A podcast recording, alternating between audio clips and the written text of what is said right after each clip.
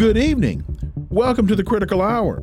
We're coming to you from the capital of the United States of America, Washington, D.C., here on Radio Sputnik.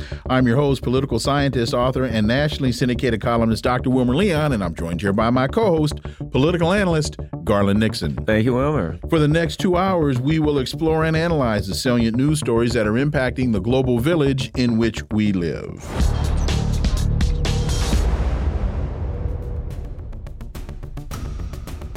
AP reports the U.S. will provide cluster munitions to Ukraine as part of a new military package. The Biden administration has decided to provide cluster munitions or cluster bombs to Ukraine, and they announced today that the Pentagon will send thousands as part of a new military aid package worth up to $800 million for the war effort against Russia. For insight into this, let's turn to our first guest. It's Friday, so we'll start the show the way we always do. He's an independent journalist, political analyst, and reporter for RT, Caleb Maupin. As always, Caleb, welcome back. Sure. Glad to be here as always. So, this decision comes despite widespread concerns that the controversial bombs can cause civilian casualties. The Pentagon will provide munitions that have a so called reduced dud rate, meaning there will be far fewer unexploded rounds that can result in unintended civilian deaths. Cluster bombs, what they do, for those that don't know, scatter small submunitions over large areas, making them especially hazardous to civilians who can find unexploded munitions years after they've been dropped. Because of their indiscriminate nature, cluster munitions have been banned by more than 100 nations. The U.S., Ukraine, and Russia are not parties to these treaties known as the Convention on Cluster Munitions. What is this signaling to you, Caleb Maupin? Well, it comes with the use of depleted uranium mm -hmm. uh, on the ends of bullets, and it, it just shows that there is a desire to make this conflict continue and to prolong the suffering indefinitely. And it also makes clear that there's not really any concern for the Ukrainian people um, because these munitions, uh, they, are spread across the areas, as, as you said. Uh, many people have pointed out that uh, children tend to be the people who are hit by them. They see this shiny metal object, they go and touch it, and it explodes and kills them. Um, and that's why there's been such outrage about these cluster munitions and how they, they, you know, they, they set up a situation where for years to come, uh, there can just be these uh, these you know shiny things uh, that you know people don't know what they are, and you know they don't necessarily explode immediately, and they're just kind of left there, and somebody bumps into them or steps on them, and they go off. Um, and it's a, a devastating thing. And the international community has spoken up against these weapons, just like the international community has spoken up against depleted uranium. Uh, and Ukraine is going to be suffering as a result of this, uh, and it's going to it's going to just just destroy this country. Um, if their goal was to help Ukraine, they wouldn't be engaging in these kinds of operations. Their goal is not to help Ukraine. Their goal is to hurt Russia.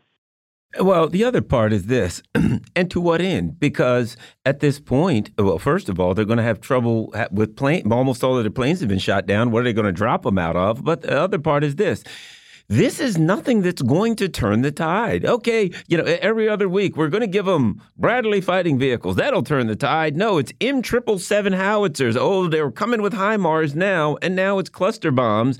These, to me, are it's just one PR tool after another to kind of distract people from the reality that Ukraine can't win this and that um, the neocon Ukraine project is in collapse. Your thoughts? Well, wait a minute. Before you respond, you know what the next surprise weapon is going to be? They're going to give them lightsabers. Ooh, I never thought about that. Yeah, they're going to give them lightsabers. Go ahead, yeah, Kate. It is almost kind of like what you're getting at here the, the, the drum roll of theatrics. Well, wait until we unleash the cluster bombs. You know, wait until we unleash unleash the dogs. You know, I mean, I mean, it's like it's like none of this is really going to turn the tides, and and that is a good point. I, I mean, they are to some degree trying to tell Russia that they have they have no restrictions on their operations. There's no holds barred uh, you know, that, oh, now we're going to do this other thing that's objected to by the international community. Oh, now we're going to do this other thing.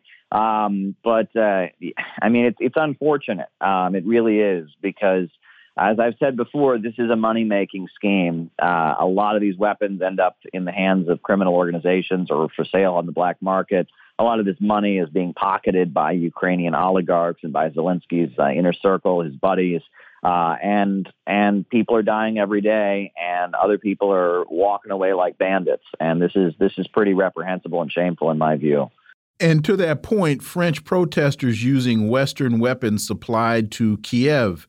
Uh, Russia has repeatedly warned Western countries against arms supplies to the Kiev regime, noting that some of the products may end up on the black market. To your point, so now we wonder in a few months, are we going to see cluster bombs in France? Caleb Maupin. Yeah, I mean, I mean, I'm thinking about how cluster bombs work, and I mean that would be it would be kind of interesting to see civilians, you know, commandeer. Well, that was kind of tongue, tongue in cheek, but you get the point. I do get the yeah. point, and I mean, it, it's not. I mean, I'm not ruling it out. I mean, it, it, could work. I mean, I'm just thinking about it now in my head. But um, you know, I mean, that is that is the situation. And look, Latin America is a great example of this. I mean, the USA in the 1980s just started dumping all kinds of military hardware and weapons into Central America to fight the Contras in Nicaragua, to fight the, the rebels in El Salvador, uh, to you know stabilize Honduras, to stabilize Guatemala against you know against revolutionary movements of the peasantry.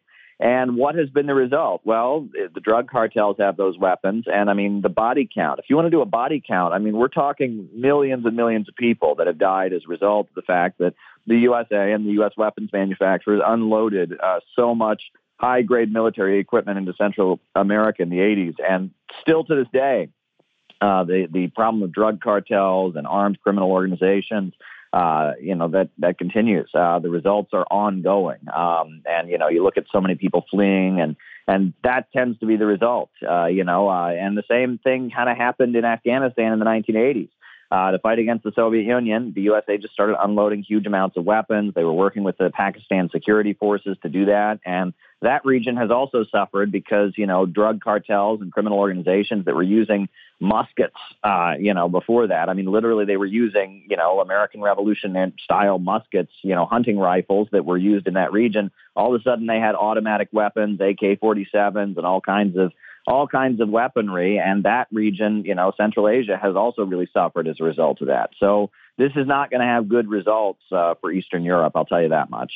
Mike Pence and Liz Truss among VIPs who speak at Iran. This is what the uh, uh, the uh, Independent calls it: an Iranian dissident rally, despite pressure from Tehran. When really they were there with the MEK, which is the Mujahideen al Khalq, which is basically a cult, a weird, strange religious cult. And here's what's interesting about that, uh, uh, Caleb. These the people that were there, the politicians there, were paid lots of money 30, 40, 50,000. We don't know. We know 30,000, some of them and up. But here's the thing about it the U.S. funds the MEK. So we got a money laundering where the U.S. funds the MEK and the MEK then takes that money and pays U.S. politicians. This is a regime, supposed regime change operation for Iran that absolutely has no chance of being successful. So it's just another money laundering operation. Caleb. Well, the wild thing about that particular group, the Mujahideen Khalq, which means People's Holy Warriors uh, of Iran, uh, this is a religious group that was formed in Iran prior to the Islamic Revolution. Um, and they engaged in left adventurous terrorism and they killed a number of American citizens. Uh, there were uh, people who worked at the U.S. Embassy and there were, you know, American diplomats who visited and there were a number of Americans who were killed by this group. Um, and the group, you know, it followed a guy named Masood Rajavi. Uh, they believed he was the combined reincarnation of Lenin and Jesus and Muhammad, all combined into one, brought mm. back to this earth to foment an Islamic communist revolution for the whole world. You know, the, the communists of Iran thought they were nuts. The Ayatollahs of Iran also thought they were nuts. This was just a crazy, fanatical group. And the U.S. government designated them as a foreign terrorist organization because they killed Americans. Then, after the Islamic Revolution happened, um, it became clear they weren't going to be part of the new ruling government. Uh, and one of the clerics who was friendly to them was fired from his position. And so then they bombed the Iranian parliament. They killed 81 members of the Iranian parliament. Can you imagine that? We talk about, you know, the, the attack on the U.S. Capitol. This was, you know, they bombed the parliament, the official parliament building of the Islamic Republic of Iran, killed 81 members of the parliament. uh, the supreme leader of Iran, the current supreme leader, he can't move one of his arms because they put a bomb at one of his press conferences, and uh, and he's he's got injuries from that. Uh, and this is a violent extreme group. And after after they lost out in Iran, they made friends with Saddam Hussein. And they set up a, a city in Iraq, uh, and they had their own kind of city segregated from the rest of Iraq. And during the Iraq Iran war, uh, they were airdropped into Iran to raze villages and slaughter civilians. And they were just kind of the death squad that Saddam Hussein used during the Iraq Iran war. And the U.S. government designated them as a terrorist organization until 2013. Hillary Clinton decided, you know what, they're not terrorists anymore. And the reason she said they're not terrorists is because they had, quote unquote, renounced violence. Mm-hmm. Right? I mean, that, that's pretty wild. You know, I mean, all, all you have to do to not be a terrorist group, you can blow up parliaments, but they renounced violence.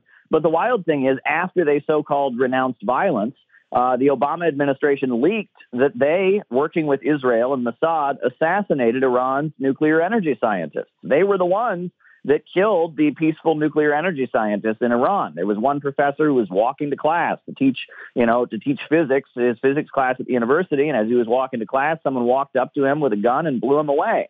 Uh, well, that was them. So if they've renounced violence, how are they killing uh, nuclear scientists and getting instructions to do so from the Israeli Mossad? That doesn't sound like renouncing violence to me. I mean, this is a pretty hateful, violent group. But the most bizarre thing is that Fox News and the Republicans, uh, the neocon Republicans, uh, John Bolton, that crowd, they have a, a love affair with these people that is bizarre. Uh, I have seen interviews on Fox News where they sit down with, you know, Masood Rajavi's uh, widow, uh, Maryam Rajavi, who's currently leading the group, mm-hmm. Uh, and they'll compare her to Dr. Martin Luther King Jr. Uh, they will compare her to Gandhi. Uh, and they will talk about, oh, you're leading this peaceful movement for freedom in Iran. And it's like they're talking to some bloodthirsty, murdering terrorists here. They're talking to a group of people that have carried out some pretty horrendous activities. I mean, if you want to talk about a violent extremist organization, that's what this is. But, you know, Mike Pence and Mike Pompeo and people like that have no problem standing on the stage with them and hugging them and shaking hands and it is it is a blind spot in American media if there ever has been, uh, and and it shows you the hypocrisy, right? Um, and the ironic thing is, do you remember when Barack Obama was being called? He was being called a Muslim and a communist uh, and a terrorist and all this. Could you imagine the outrage if Barack Obama had stood on the stage with a group of Muslim communist terrorists? I mean, and that's what MEK is. They call themselves Muslims. They call themselves they call themselves uh, communists. They're neither of those things, and they are violent extremists. I mean, this is this is a group that I mean, if if U.S. media were honest, alarm bells would immediately sound if any politician were shaking hands with them. But American media has a blind spot for their atrocities because they're against the Islamic Republic. So we like them now. It's it's pretty sad. Well, they call themselves Muslim and they're not. They call themselves communist and they're not. They call themselves terrorists and they are. Well, that's one out of three. if that in, in baseball, that will get you if you if you have a three hundred. Uh, that's three thirty three. If you like got that? a three hundred batting average, you're going to the Hall of Fame. The Libertarian Institute. Biden says Assad must go and we, we we brought this in with the previous story because you've got Mike Pence saying that they need regime change in in in Tehran, and now you've got Biden saying that you need regime change in Syria. So there seems to be a regime, a very public regime change campaign by American politicians. Caleb Maupin. Well, Assad must go. He's a few years behind on that one, isn't he? Uh, people stopped saying that a few years ago because it became pretty clear that Assad was not going to go. Uh, yeah, yeah, but Caleb Biden kind of forgot where he is yeah. and what and what year it is. So go ahead, Caleb. Yeah, yeah. I mean, uh, uh, I mean, the civil war in Syria. I mean, at this point, Assad is not leaving, uh, and uh, you know, I mean, I, I, mean, it's just it sounds to me like he's having kind of a, a flashback or whatever because uh, the war, the war in Syria. At this point, it's very clear the Syrian Arab Republic is remaining in power. The Arab League has readmitted Syria. Um, so yeah, I mean, that's that's just. Uh, I mean, it, it seems like this thing that they're doing with Biden, where he has a you know, he says things like, oh, you know, Putin can't remain in power or, you know, Assad must go or Xi Jinping's a dictator. and then they they uh, they say, oh, he's just having an old man moment, but it's strategic. They can get credit for it with the regime change lobby, and they can say, well, that wasn't our official statement. That was just well, oh, that was just Biden being an old man, right? They're talking out of both sides of their mouth, and they're trying to they're trying to turn Biden's uh, Biden's dementia and Biden's being being out of it. They're trying to turn that into a strength. They're trying to to milk that for something, um, you know. And and that is the art of modern politics: is how do you say about four things at once and get credit for all of them, but get blowback for none of them? Right? That's kind of the art of modern politics, I would say. And Garland, God save the Queen. I forgot. That's very important too. Uh, the other thing with the uh, with that is if you could talk about that also, Biden saying Assad must go in the context of what's happening in the Middle East. The Chinese come in and they don't say anybody must go. They say, hey, everybody's got to live it together in peace. We're all trying to eat here. We can all make some money. We can all get along. No war. How about you guys sign sign sign something that says you're going to get along? And what happens? Saudi Arabia now and and Iran and Syria and all of the Arab and Muslim countries are coming together saying, you know, we're going to renew our Qatar. open our is Qatar. Right. Qatar is now working with China to to bring stability right. to the region. So they're reopening their embassies. There, that China is taking the Middle East in a completely different direction. Here is Biden is this old zombie from the past screaming. Uh, Assad must go. That is at odds with the reality that's going down in the Middle East today, Caleb. And Assad won the last election with, I think, 86% of the vote. That, that's the biggest problem he's got. yeah, well, the context for the you know the various world leaders all saying Assad must go was a context of the United States backing Saudi Arabia, Saudi Arabia kind of mobilizing the region against Iran, Syria being aligned with Iran. That was the context, and now the game has completely been changed in the Middle East. At this point in the Middle East, uh, you've got a situation where Saudi Arabia uh, is quite frustrated with the United States and won't go along with isolating Russia the way the United States wants. Saudi Arabia is now getting along with Iran thanks to Chinese uh, negotiations. Uh, the Arab League has readmitted the Syrian Arab Republic, and that you know the the rallying cry of Assad must go uh, was a rallying cry when things were completely different. Uh, things have completely changed, and what has changed is the USA has completely lost its foothold in that region, um, and that's that's the thing. I mean, uh, as a result of of their kind of demand that Russia be completely isolated, uh, the United States has completely, completely lost uh, a lot of the leverage it had and the ability it had to mobilize people like Saudi Arabia and you know the United Arab Emirates and other countries for regime change. Um, and it looks like the war in Yemen is on the brink of being resolved. I mean, negotiations indicate that that we could see a resolution of that soon. Uh, the battlefield is de-escalating. We're not seeing the the amount of deaths and and you know and killing that we saw on the battlefield in Yemen, uh, you know, over the past, you know, decades. Uh, we haven't seen that. Yemen is de-escalating as well, and it could be that there is a new peace in that region brokered by China um, and brokered by the fact that Saudi Arabia no longer feels kind of beholden to the United States as it once did. Uh, this is all a big game changer. It shows you how how much all of these things are connected. And to this big game changer, now they want to bring off the bench a accused war criminal Elliott Abrams to try and uh, uh, pull it out for the for, for the for the Gipper uh, in the last quarter. We have about a minute and a half. Caleb Maupin. Well, Elliott Abrams, uh, he comes out of the Reagan administration and out of the hard neoconservative right. He's tied to death squads in Central America.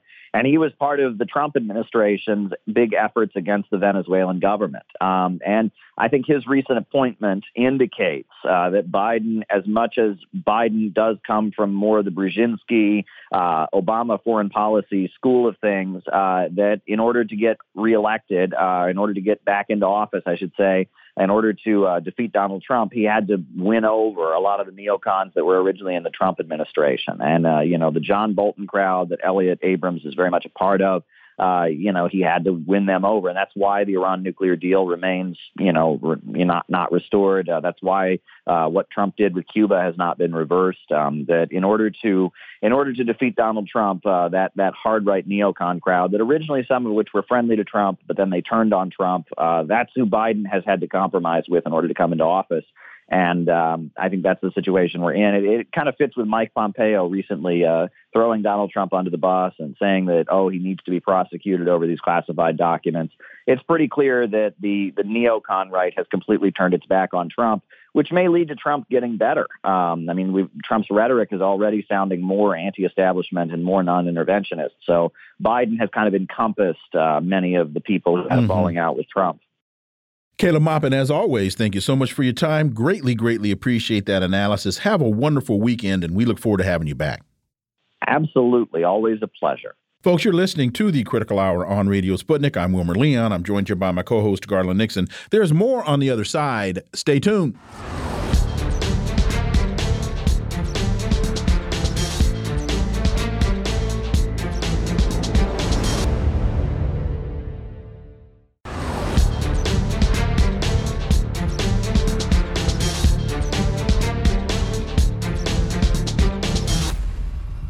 We are back, and you're listening to the Critical Hour on Radio Sputnik. I'm Wilmer Leon, joined here by my co host, Garland Nixon. Thank you, Wilmer. The Wall Street Journal reports Yellen says U.S. doesn't seek, quote, winner take all, end quote, fight with China.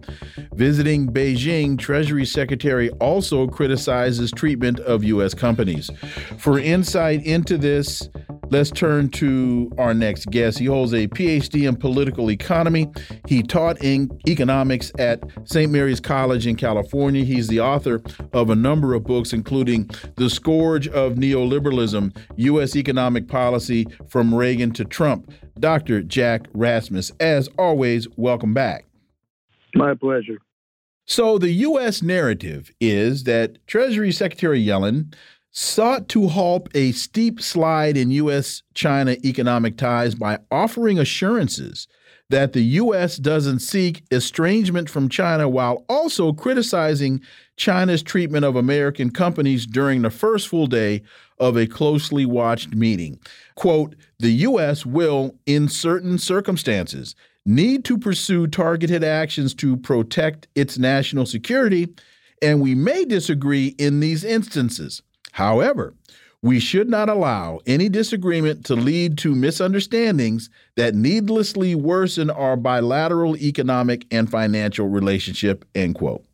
Dr. Jack, I wonder if trying to provoke China into a war over Taiwan and then, as the white papers say, blowing up TSMC to prevent it from falling into China's hands falls into this category oh, wait a minute, Garland, TSMC is actually already in China's hands since the United States has a one China policy and Taiwan is part of China. Dr. Jack.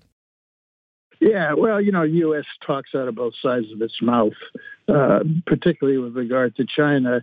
Uh, it complains about uh, China discriminating against American companies, whatever the hell that means, I don't know. But at the same time, the U.S. is doing everything to throw Chinese companies out of the U.S. and out of the U.S. allies' economies, you know, not just Huawei and the others, but um, throwing them out of the stock market. I mean, it's a, it's a major uh, move by the U.S. to uh, get China out of uh, the U.S. and Western economies. And, uh, at the same time, it complains that, oh, China is putting restrictions on U.S. companies in China. Um, so, you know, it, it's a, uh, it's a two-faced uh, policy here that the U.S. has, and I don't think China's being fooled by it.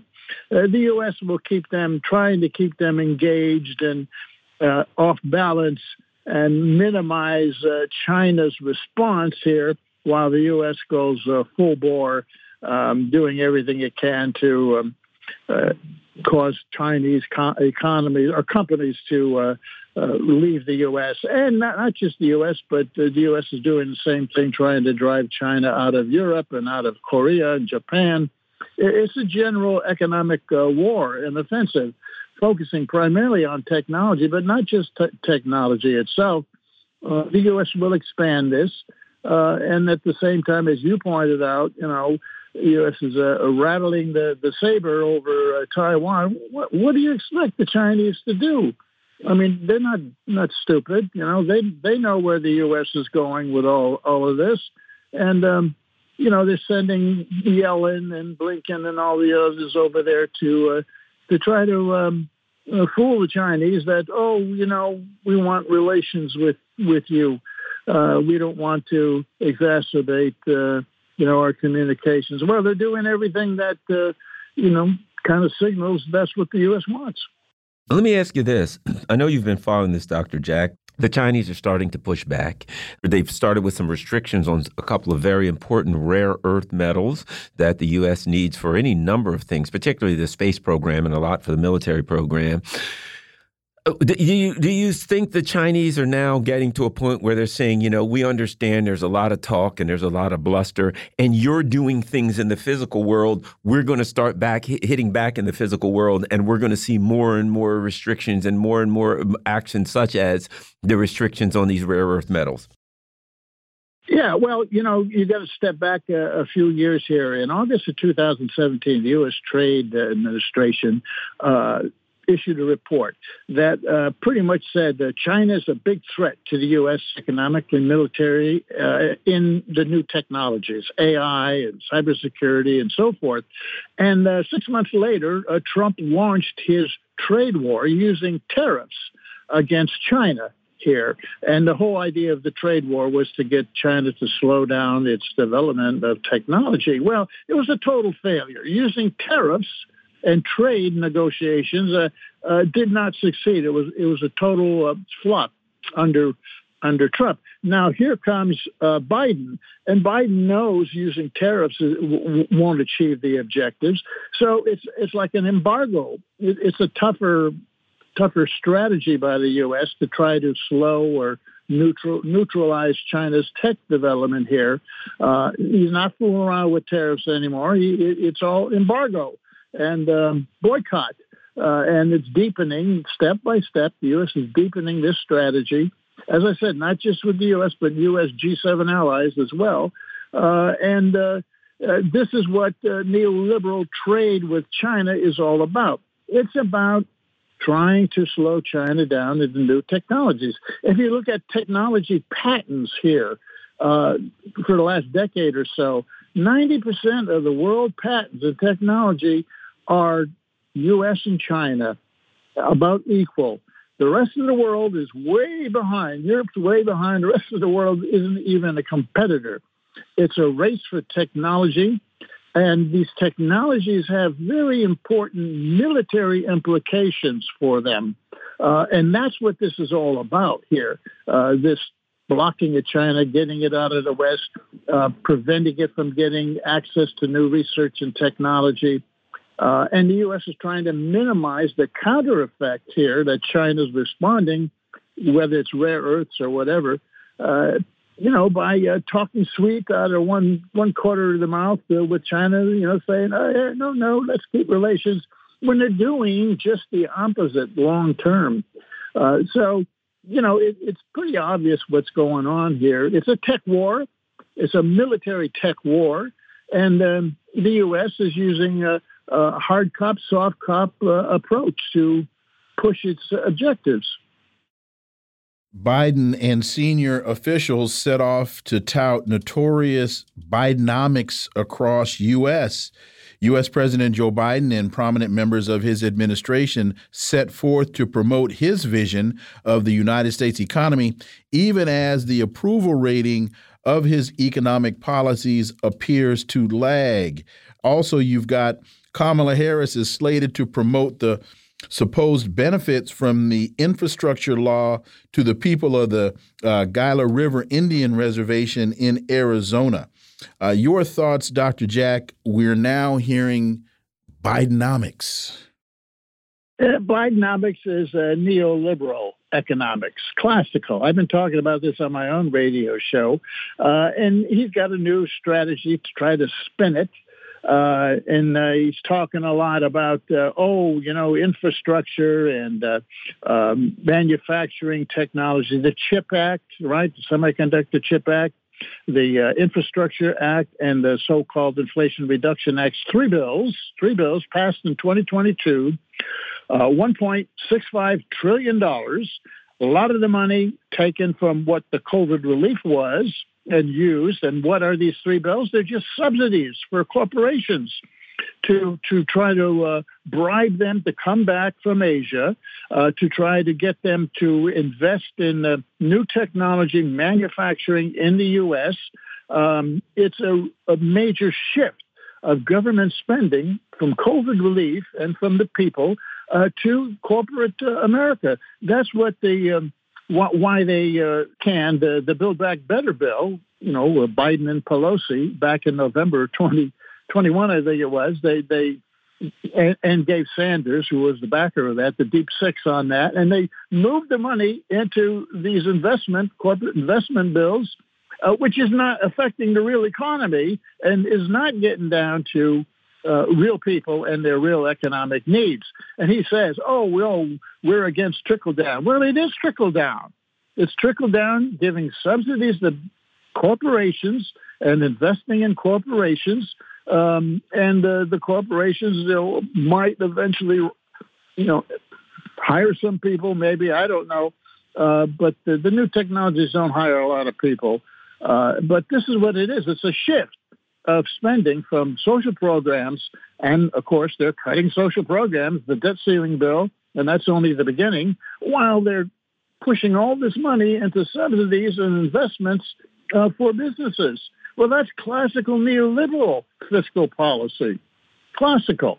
And Bidenomics is neoliberal economics that I've been talking about, not just on the fiscal policy side, but on the monetary policy side. Let's look at the bailout of the regional banks that's been going on. $95 billion a week the Fed is throwing into the regional banks to prevent a, a, an eruption and contagion and another crisis. That's neoliberal. What about industri- neoliberal industrial policies? Well, anti-strike against the railroad workers, you know, threatening them. Uh, the Fed cutting wages, you know, its whole objective is to cut wages in the services. That's neoliberal. Uh, you know, so neoliberal policy. And by the way, watch them go after the uh, uh, Teamsters, UPS here workers pretty soon. Uh, that's neoliberal. And of course, on the trade side, that's neoliberal. All the sanctions, all the idea of raising the dollar, uh, you know, and causing uh, uh, disruptions in the global currencies. It's neoliberalism, classical across the board, no different than Obama or Trump or uh, Bush before them, Clinton, the whole thing. But they're touting it as just this opposite, you see? Uh, that's not economic policy, that's economic ideology in the sense of ideology of misrepresenting the facts and the truth in order to justify policies that benefit the few. Uh, this is not economic science. This is economic ideology, and it's a continuation of what's been going on since Ronald Reagan. What about the infrastructure uh, elements of this whole plan? Uh, how is that neoliberal outside of where the money's coming from? And how is that a subsidy for corporations as opposed to direct investment into improving infrastructure? When you look at uh, the the uh, the build out of high speed data to rural communities, I think they're looking to uh, in, in, increase the number of uh, electric vehicle recharging stations, uh, the the roads policies, and the bridge reconstruction. How how does that fit into the description that you just laid out? Subsidies and tax cuts for businesses.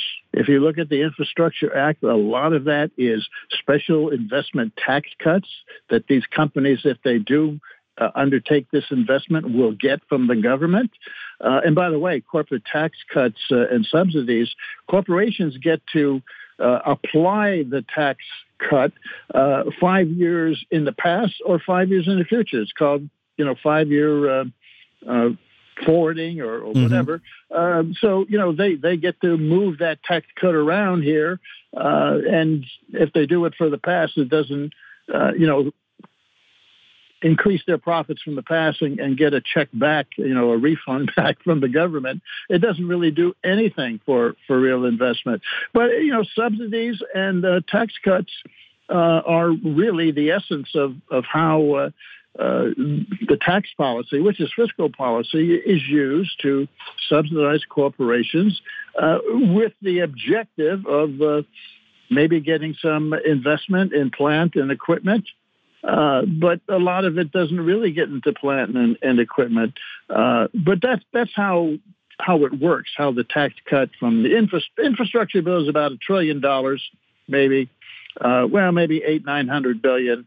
Um, and the uh, Chip and Manufacturing Act, uh, that's like another 300 billion uh, at least, and then the uh, Inflation Reduction Act, that's that's another uh, four or five hundred billion dollars, and you add it up, it's almost two two trillion dollars that they just moved uh, from what they were spending, you know, giving people uh, checks and unemployment benefits and uh, uh, you know uh, child care relief and so forth. They just moved that money uh, into uh, you know into the corporations, uh, redistributed it. That's all that was, and uh, that's what's going on.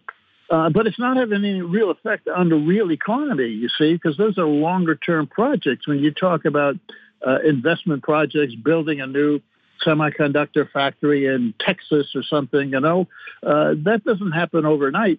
Uh, so it's not really getting down to, to the real people here. And that's why uh, folks are, are really uh, expressing a lot of dis, dis uh, approval with uh, Biden's economic policy. And that's why Biden thinks, oh, you know, his advisors say, well, we got to go out here and really uh, push this thing here. Well, people, uh, you know, will see what we're really doing, you know, with these three acts and uh, uh, job growth. Well, it's not job growth, it's job uh, recovery from the COVID here. Uh, and and by the way, the jobs are are, are not full time jobs. Most of them are part time jobs. Uh, and um, you know that that's what they're they're going out there trying to spin uh, this major shift in spending uh, from the population and households uh, to to the corporations. They're trying to say, "Oh, it's working." Well, real people know it's not working. Uh, Dr. Jack, there's something really nasty in that infrastructure bill, and I'd like to uh, get your thoughts on it. It's called asset recycling, and I will read exactly what they say about it. The sale or lease of public assets to the private sector so the government can put that money toward new investments. Please explain to us what that means, Dr. Jack. That means privatization. They're going to turn the public assets, you know, the, whatever the government owns, which is mostly land, by the way, uh, they're going to give it. They're going to give it to the private sector, and the private sector will pay a pittance uh, for it, either in rent or the cost of uh, purchasing those private. This is privatization. That's all this is, uh, and it's it's a real uh, it's another form of subsidy because uh, the private sector gets to steal the, these public uh, assets at pennies on the dollar. So, you know, it's just another way of redistributing money to corporations and big investors and, and the wealthy. Are there any real differences between Bidenomics and Reaganomics? Uh, in essence, no uh, in my book, uh, you know, uh, The Scourge of Neoliberalism, I identified the four areas that are, uh, uh, you know, identify uh, neoliberal economic policies fiscal policy, monetary policy, industrial policy, and trade policy. And if you look at what Biden is doing, it's really, you know, the content is a little bit different how they do it over time, but the objective is the same. And it accomplishes the same objective, which is uh, to subsidize uh, corporations and investors, and therefore the wealthy, uh, at the expense of the rest of us. Uh, that's the essence of Bidenomics. It's the essence of neoliberal economics. Uh, I've been talking about this on my radio show, Alternative Visions on the Progressive Radio Network, and we'll talk about it again today, uh, explaining what Bidenomics is, which is a continuation of neoliberal economic policies. Um, so it's um, a continuation. It's the same thing. The question is, uh, is it getting harder and harder uh, for the government to continue with neoliberal economic policies? Uh, yes, in some ways it is, uh, but they're still doing it, you see. Mm-hmm. It, it, hasn't broken down totally yet. There's a big difference between uh, Bidenomics and uh, Reaganomics. Reaganomics, yeah. They don't. Bidenomics doesn't even pretend that it trickles down. therein, they don't even pretend it. Now you ain't getting none of it. As they say, therein lies the rub. Dr. Jack Rasmus, as always, thank you so much for your time. Greatly, greatly appreciate that analysis, and we look forward to having you back. Always my pleasure, Georgie. Folks, you're listening to the Critical Hour on Radio Sputnik. I'm Wilmer Leon. I'm joined here by my co host, Garland Nixon. There's more on the other side. Stay tuned.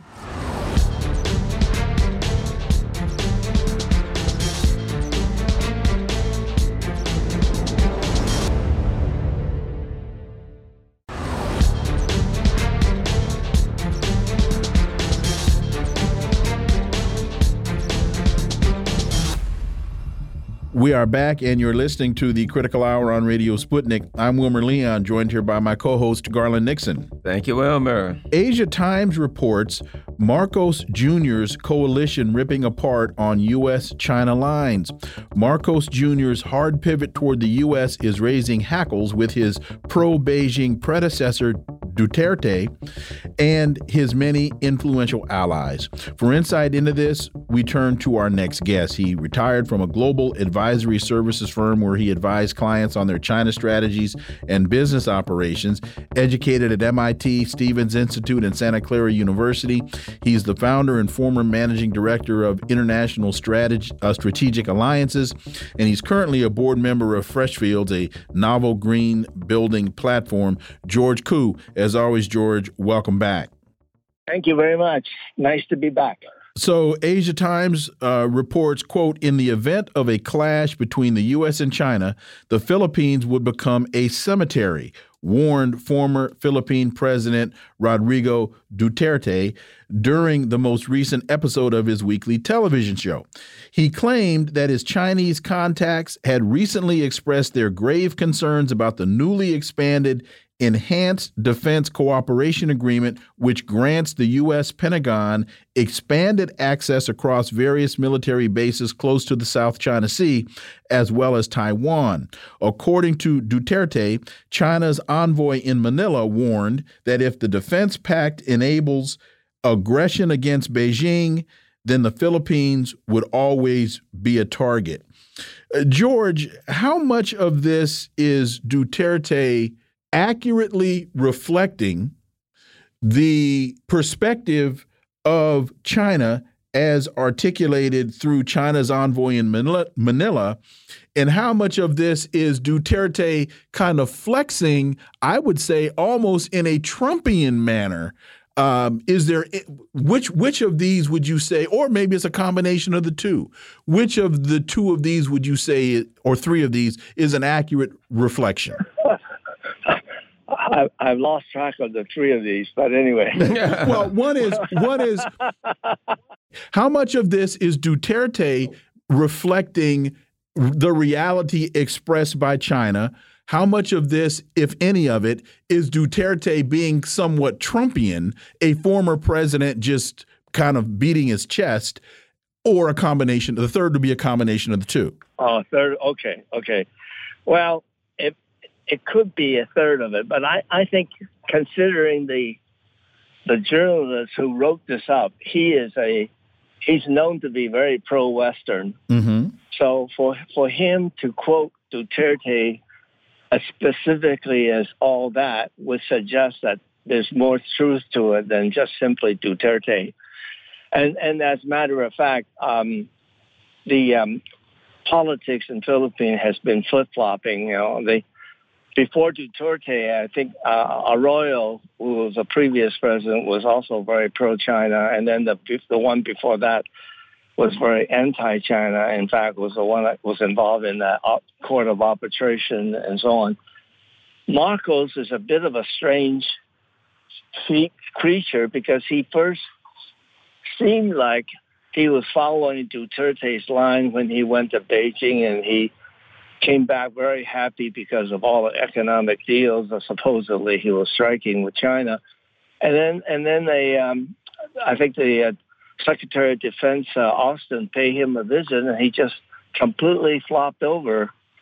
Even some members of his family, I think his sister among them, are not sympathetic to his his view because you know most Filipinos are saying why why do we want to get involved in when two elephants you know are involved in the dance we're going to get trampled by either one. Mm-hmm. Uh, so that's pretty much a situation, but it's hard to know what Marcos thinks he's getting out of it. Of course, having all those military bases in Philippines is, in a way, helps the Filipino economy with all those GI spending their money in, in, in Philippines. But that's a very small factor considering the risks. Here's the other thing, too. I think uh, the issue of Ukraine.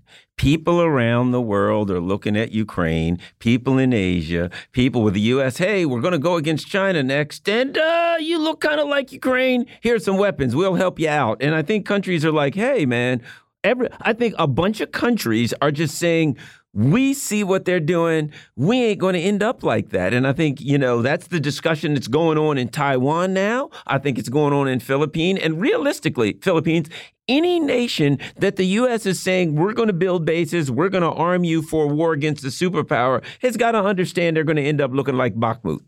I also have to add uh, the Nord Stream 2 pipeline. Right. The Allies, as, as Henry Kissinger said, is dangerous to be in, in opposition to America it's fatal to be an ally.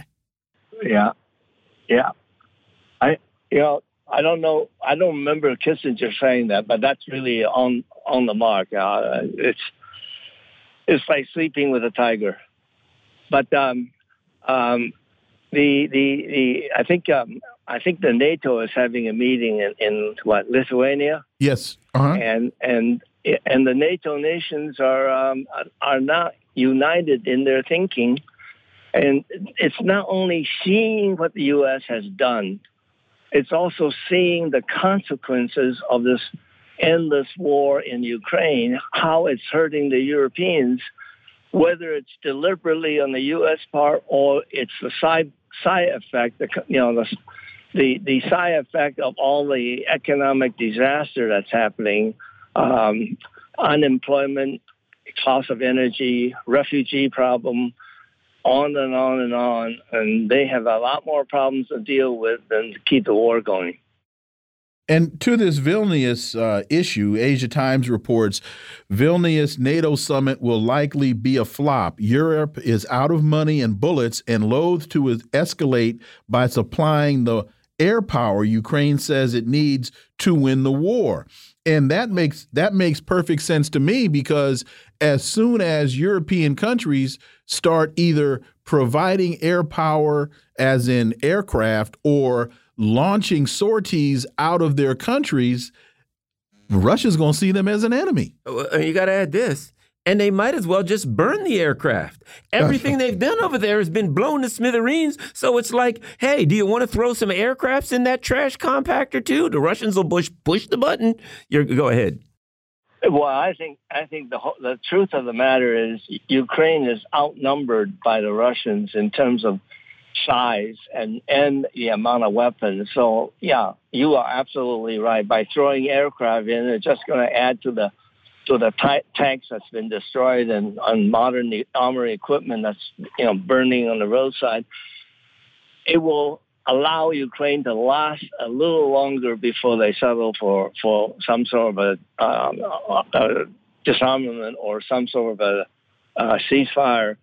Um, and, and you know and, and you again most of the NATO countries Germany France Italy and so on they're they're exhausted by by what's going on and how much they have to support the uh, the Ukraine and there, there's nothing in it for them you know, it's in the what's in the for Washington is to wear down the Russians, which is what they want to do, and they're not putting any of their um, uh, soldiers at risk. You know, and um, it's true they're spending the weapons, but uh, uh, these weapons cost a lot of money, a hundred million a shot. Well, you got to add this too if I'm Lockheed Martin, whoever, right, and I'm saying, hey, you guys, send all of your old planes over there so they can get blown up, and uh, we'll be happy to sell you these new F-35s at 130 million a clip. So they get to exhaust their supplies, and then Lockheed Martin and General Dynamics et al. get to say, well, you're all out of weapons. I guess you'll have to buy new stuff from us. It is another way of extracting money from the European countries that they could be using to pay their pensions of their people, fix their roads, uh, fix the fires in France, whatever. Well, wait a minute, wait a minute. There's one more. There's one more element to that. Is it may not necessarily be Europe paying for the planes, a la Israel buying 25 F-35s from Lockheed Martin at $3 billion, and it's U.S. military aid that's footing the bill. George Koo. Well, you know, um, we we we continue to have the freedom of the printing press, and um, we can print any and all the money we need. So whatever Lockheed Martin wants per jet plane, we'll we'll do it. We'll print the money, and then we'll figure out, you know, which which code we should charge it to, whether it's Israel or somebody else. But in the end, it comes out of our own pocket, and it's not painful simply because we just print the money. We don't have any collateral to to, uh, to back it up. Here is a is a story that we think is is really interesting and telling, and this is from uh, South China Morning Post. Qatar seeks to work with China to ease regional tensions. Uh, Mohammed bin Abdulaziz Al Khulaifi has also calls for stronger ties with Beijing and talks with China's special envoy in the Middle East. And uh, Zhai Jun says Beijing is willing to make joint efforts to maintain peace and stability and points to Doha's unique and important role. On the heels of uh, China being able to help broker the detente between the Saudis and the Iranians, you now have Qatar seeking to work with China. George Koo. Well, you, know, Qatar has has a, has had a history with Saudi and the UAE, United Emirates, um, and it was not always friendly. Um, and so, seeing how China can play a peacemaking role um, it's in Qatar's interest to get China's help and participation as well. And of course, I think China is quite willing to help, be, be, you know, for a number of obvious reasons, but certainly expanding China's reputation in the Middle East uh, and burnishing its credentials uh, has to be a plus. And and the latest development I heard recently is that Netanyahu is going to go and visit Beijing, which to me is is really an amazing development because. And the reason given why Netanyahu uh, is going to Beijing is because he's really ticked off at Biden for for um, um, giving him the cold shoulder. So he's going to say, "Well, you know, I can find other buddies. And then, of course, um, Abbas of um, PL, uh, Palestinian Liberation was just in Beijing. And it's entirely possible that uh, uh, Netanyahu would come out of Beijing with the beginning of a real peace settlement between them and Palestinians. And that will be a real feather in everybody's cap that's that's involved in that in that kind of a settlement, except for Washington. Of course, Washington would rather keep it going. I got to add something else that's important. If you remember a few months ago when they had these, they were having these major riots in Israel. Yeah the Netanyahu government accused the U.S. Mm -hmm. of sponsoring and supporting them. And if you look into what they said, the organizations that were behind those protests were, in fact, funded by the Biden administration. So the, there was some merit to what they, whether it was true or not, there was at minimum yeah. merit to what they're saying. But I got to take that to you, the next article, which I think is very important and, and, and aligns with it. Why Europe, U.S., China, why Europe, U.S., China, and Russia are not the same for Latin America. And they talk about how Latin America looks at the traditional colonial powers and the imperialist powers and then looks at Russia and China and says, hey, you know, we can do business with these people. We've already done business with you guys. And usually it ended in some kind of a genocidal theft. Your thoughts? Well, it, it's a very, uh, uh, very useful, I guess, comprehensive review of the history of white men in in America. You know, the decimation of in, American Indians in North America, the various uh, uh, Inca, Aztec, um, Maya civilizations in South America. You know, to feed the greed of the the white white nations, the, the Spanish, the Portuguese, the British. Um, uh, I guess mainly those three, uh, as far as the Americans uh, are concerned, and they have left a, a horrible history. And then, of course, when the U.S. took over the the legacy, um, they they're the ones that just diselect leaders and put in dictators and and assassinate the ones that they don't like.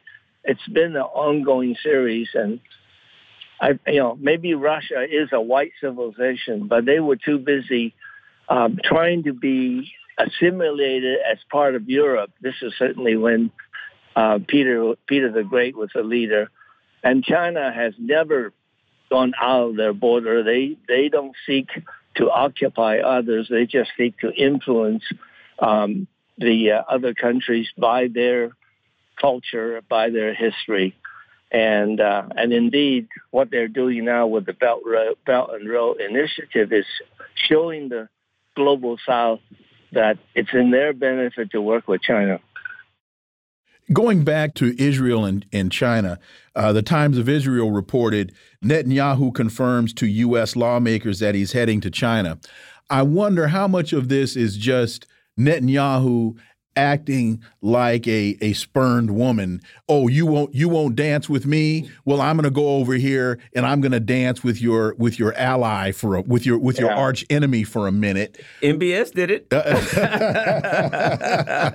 kind of did the same thing, didn't he? And it, and it makes me it makes me think of the adage. Uh, what is it? Uh, hell hell has no fury like like a, a like a woman, a woman scorned. scorned. Uh, yeah. Because I can't see Netanyahu doing anything that would even be perceived in the long term of jeopardizing the relationship between the United States and and Israel. Your, your thoughts, George? We got about a minute and a half, George. Okay, but but you know, China does have an ongoing relationship with Israel. Mm -hmm. By no means hostile. They have contracts to improve the ports. Uh, I forgot. I think it was Haifa mm-hmm. and they they've done some um, infrastructure building.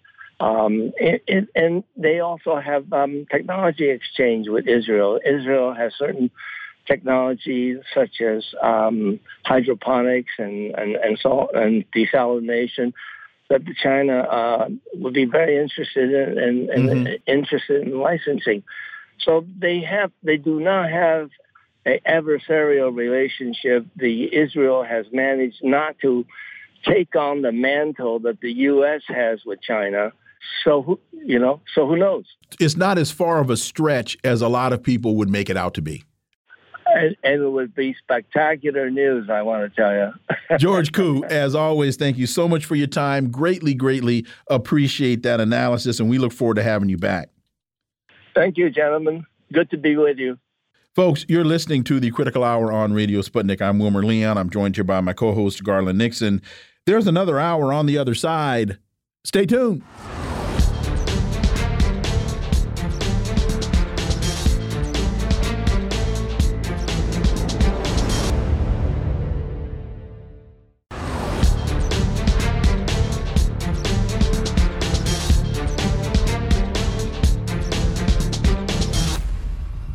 We are back, and you're listening to the Critical Hour on Radio Sputnik. I'm Wilmer Leon, joined here by my co host, Garland Nixon. Thank you, Wilmer. Orinoco Tribune writes Presidents keep hiring Elliott Abrams because the U.S. empire is just that evil. CNN reports that President Biden has nominated criminal neocon Elliott Abrams for a position in the United States Advisory Commission on Public Diplomacy, which, according to the U.S. State Department, is responsible for appraising activities intended to understand, inform, and influence foreign publics. Sounds like propaganda to me, and pays acute attention to the U.S. government's official foreign propaganda arm, the U.S. Agency for Global Media. Is President Biden signaling to the neocons that he's right there in lockstep with the neocons? Well, for insight, let's turn to our first panel. It's Friday. That means it's panel time. And we're joined by a member of the Coordinating Committee for the Black Alliance for Peace, member of the Black Working Class Centered Ujamaa People's Progress Party in Maryland, founder of Liberation Through Reading, and co editor of the revolutionary African blog Hood Communist, Erica Caines. As always, Erica, welcome back. Thank you for having me. We're also joined by the national organizer for the Black Alliance for Peace and editor and contributing columnist for the Black Agenda Report and the Green Party candidate for vice president of the United States in 2016, Ajamu Baraka. As always, sir, welcome back. Thank you. Thank you. So, Erica, Orinoco Tribune continues. Usually, when you hear someone called a neocon, it's not a strictly accurate description from a technical point of view and is frequently used to just mean warmonger. But Abrams is actually a proper PNAC neoconservative ideologue. That's the project for the New American Century. Neoconservative ideologue with deep ties to the old school neocons of the 70s and has helped promote violent U.S. imperialism in Latin America and the Middle East for decades. Erica, when you read this story that Joe Biden had made this nomination, uh, what were your thoughts? Well, it was unsurprising news for me. If we could remember, the Democratic National Convention was full of uh, persons like uh, Abrams. So this all falls within Biden's wheelhouse and and his comfort zone, really. Um, Abrams is probably best known, I believe, for confessing to his role in the cover up of the Iran Contra um, deal during the Reagan administration. Uh, I believe he pled guilty for it, for withholding information.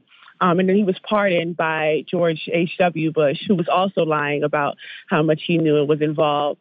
But I think most recently, uh, which I think is more relevant to what we see the shift happening in not just um, the Middle East, but also in the Americas.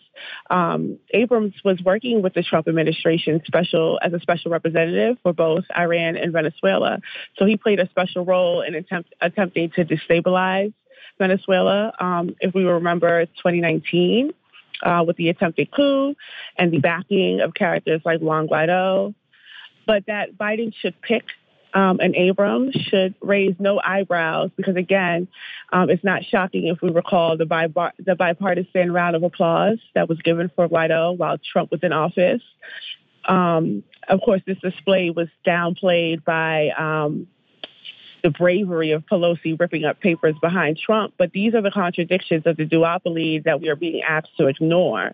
So I don't think it's out of the realm that Biden would choose an Abrams if we look at both Abrams' history politically um, and, and align that with Biden's. It tracks. And Ajamu, I think uh, Erica's point highlights the what people really need to start understanding is the difference between the stereotype or the and the narrative uh, versus the reality. And you know, Abrams was one of the signatories to that infamous 1998 PNAC letter to Bill Clinton that first brought up the false construct of weapons of mass destruction in in Iraq and it was the project for the New American Century letter in 98 that asked Bill Clinton to go in and overthrow Saddam Hussein. So that's just another example. This guy's hands have been in so much U.S. international doo doo. It, it, it is it is amazing the things that this guy has done, and for Joe Biden to resurrect him uh, is well, to Erica's point, not surprising, but nauseating nonetheless. Well, I mean, you know, it, it's not surprising because I think that what what Erica laid out was the the conflation that's taken place within the administration, within the foreign policy uh, community, between what is what what classically have been referred to as the neocons um, and the uh, what they call the liberal um, uh, uh, interventionists. That conflation took place politically and ideologically, I would argue, under the Obama Biden administration. So this notion of the classical uh, neocon um, versus some other neocon has basically been erased. That those two sectors merged. They uh, represent a common uh, worldview, a common set of interests uh, that's grounded in their uh, commitment to maintaining U.S. global hegemony and their commitment uh, to using um, force and violence to, in fact, do that. So, you know, at the top of, of your question was, what is the signal? Well, the signal is not even a signal, it's just, a, a, um, I think, a, an acknowledgement that the uh, Biden administration, representing the most powerful forces in the state, that is the neoliberal uh, fascists, uh, have said basically that they are are not going to be constrained by any notions of legality in pursuing uh, the interests uh, of the state. So it's not even uh, nauseating. It's just the, the logical conclusion, if you will, uh, the logical trajectory of the rightist politics that are now uh, hegemonic uh, in the United States of America. You know, Erica, I think of something else about this article, and I love Orinoco, uh, Orinoco uh, uh, Tribune. We go there a lot. They have a lot of great articles, a lot of revolutionary stuff there.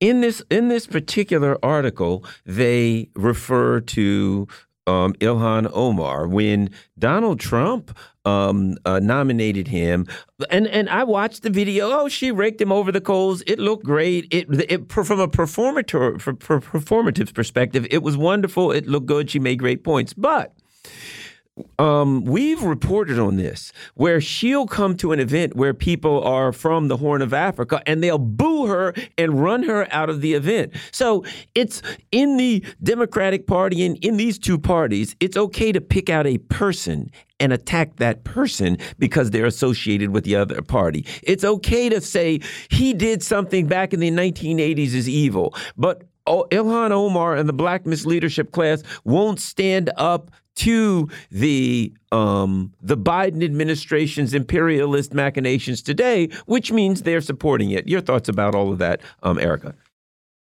Well, yeah, it's it. I agree. Um, I think that that we can see clearly the hypocrisy between um, the squad, or I guess the Progressive Caucus, um, and how they fold and buckle um, to the overall, I guess, agenda of the Democratic Party, um, as John Blue has laid out, is a neoliberal uh, fascist agenda, um, and that's evident in the way that they would stand up to these offenses and pick out individuals and attack them for being on the right, but then at the same time support and fund the proxy war in Ukraine. Um, without any sort of hesitation. In fact, I believe there was a viral um, video that went around of uh, Omar pushing back against the criticisms of the Progressive Caucus and the Squad supporting um, the proxy war by continually signing off on all of this funding going towards it for um, military weapons, etc. And she was arguing that we were uh, you know, protesters or people who were against um, the support were, um, in fact, uh, Russian ops or uh, saying things as, as, far as that we don't really understand the history, et cetera, et cetera. So they are all on board uh, with the Democratic Party agenda, which is now aligning itself, which has always aligned itself, but prominently aligning itself with figures like Abrams.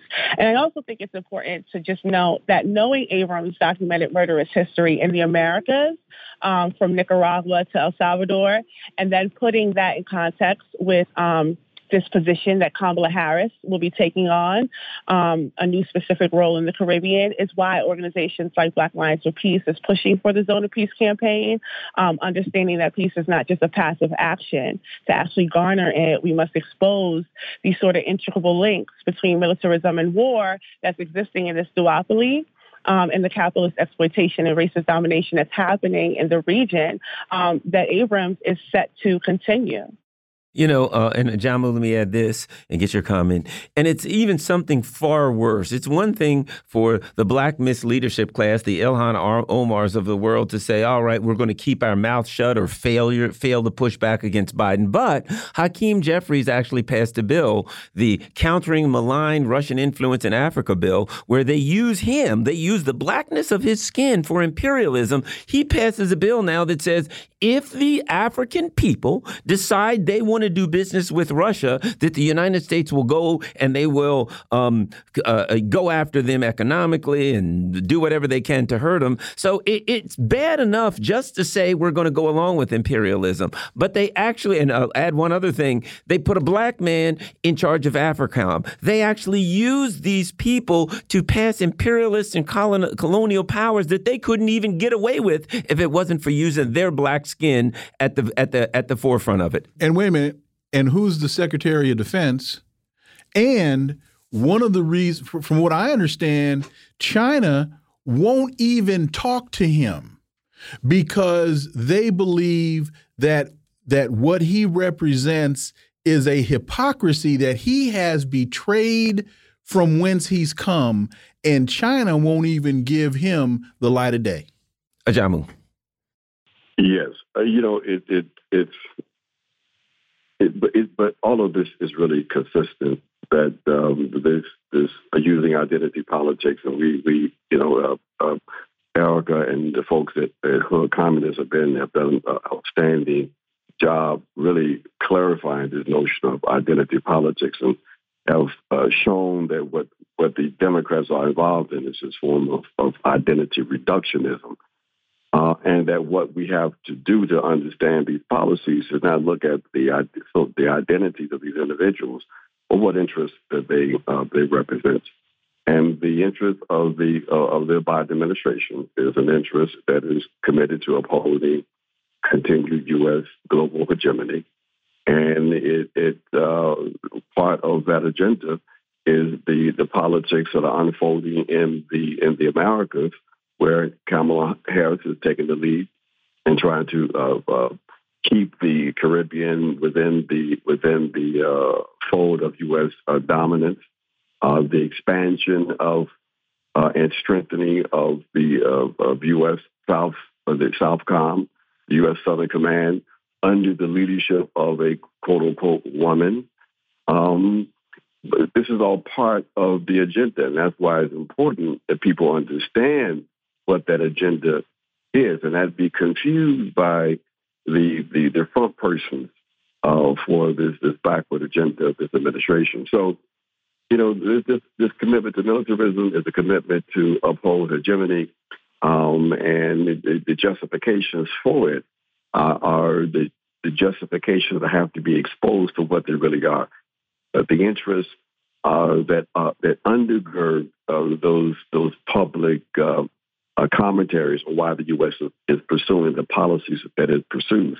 We, have, we can't have any sentimentality, uh, no confusion uh, allowed in exposing that the Democrats uh, and their agenda uh, is an agenda that's fundamentally different from the agenda of those forces that support the Republican parties. Erica, and this is an issue I think we have to bring uh, every week. We uh, and regularly we have to, we have to bring it up, and that is where is Ilhan Omar when it comes to the Uhuru movement, when it comes to the African People's Socialist Party, when it comes to an organization that since the 1960s has gone into the poorest black communities to build uh, a basketball courts, to build kitchens where they train people who get out of prison to um, to pay them to work there, then they train them to have culinary skills so they can go to get into a job, to build, to to bring uh, uh, uh, farmers markets into poor black communities so that they can have an opportunity to get fresh vegetables that they can't otherwise get in some of these food deserts. We hear nothing from our black leadership about any defense for the Biden administration's attack on the Uhuru movement, the African People's Socialist Party. A, a organization that trains women to be uh, doulas, uh, doulas so that they can help offset the disproportionately high uh, birth rate of childbirth. In, uh, infinite, infant mortality, infant mortality rate. Erica. Well, if you look at the indictment um, and what you, you remembers are being indicted for, uh, which is speculation around Russiagate, then it would make sense that Omar and the Black leadership class as a, as a whole has stepped back or is not um, looking to involve themselves in it at all because they are also propagating Russiagate. Um, just as I mentioned earlier, the viral video just regular protesters or people who just stood up and felt away about all of this funding going towards Ukraine um, in the same period that 52 million um, households reduced uh, SNAP benefits. Um, and the response to that was to call those people who had real concerns about their own livelihood to to speculate that they were working for Russia or they were under Russian influence or they were repeating um, Russian lines. So, of course, the, you would not hear Ilhan Omar. But then again, we can ask the same question about Cop City. Where's the Black leadership class around um, agitating against Cop City um, and all of the protesters who have been arrested under domestic terrorism charges? Uh, it's far and few. You're not really hearing um, anyone speak about that uh, in totality. There's no statement coming from that in the same way there was a statement about the necessity for a black female uh, vice president uh, and those type of things. So yeah, we can, we can question all of those things, but I think it's it's important to understand their particular role.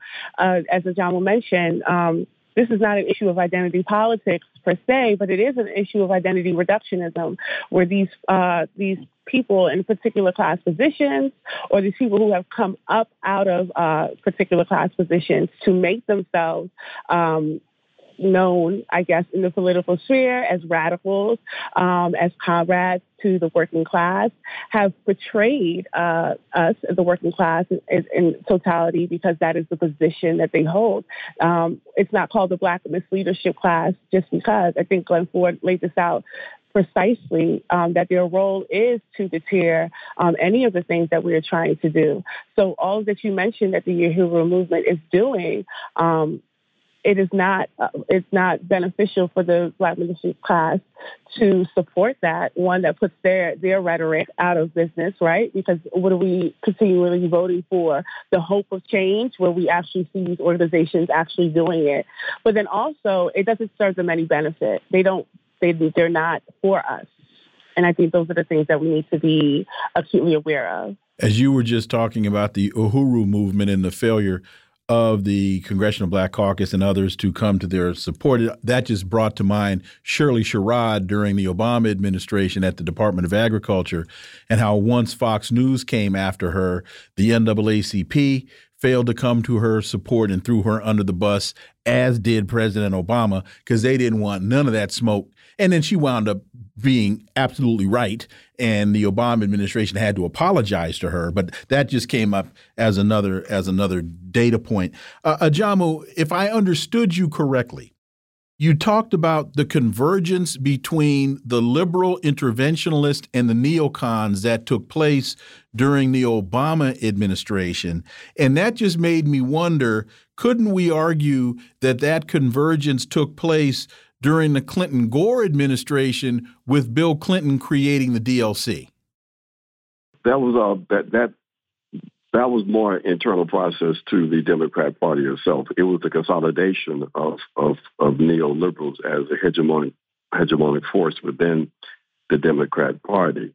Uh, so the, the the the ideological convergence between uh, the emergent uh, neoliberals and the and the neocons, you know, uh, hadn't really taken place yet. It was you could see the the the beginnings of a convergence and and, and ideological and political convergence, but you know, it, it was just at the very beginning. So it, it, it, it you know, they consolidated within the, the neo within the uh, Democratic Party, uh, and because of that consolidation, because of that that hegemony, then there was no political barriers for that orientation, uh, represented by uh, the Clinton folks and the uh, uh, classical, if you will, neocons operating within the Republican Party there was no barriers there. Mm-hmm. And so it became quite obvious during the uh, uh, Obama administration that you could stop pretending like there's a difference and just go ahead and acknowledge the common the commonality.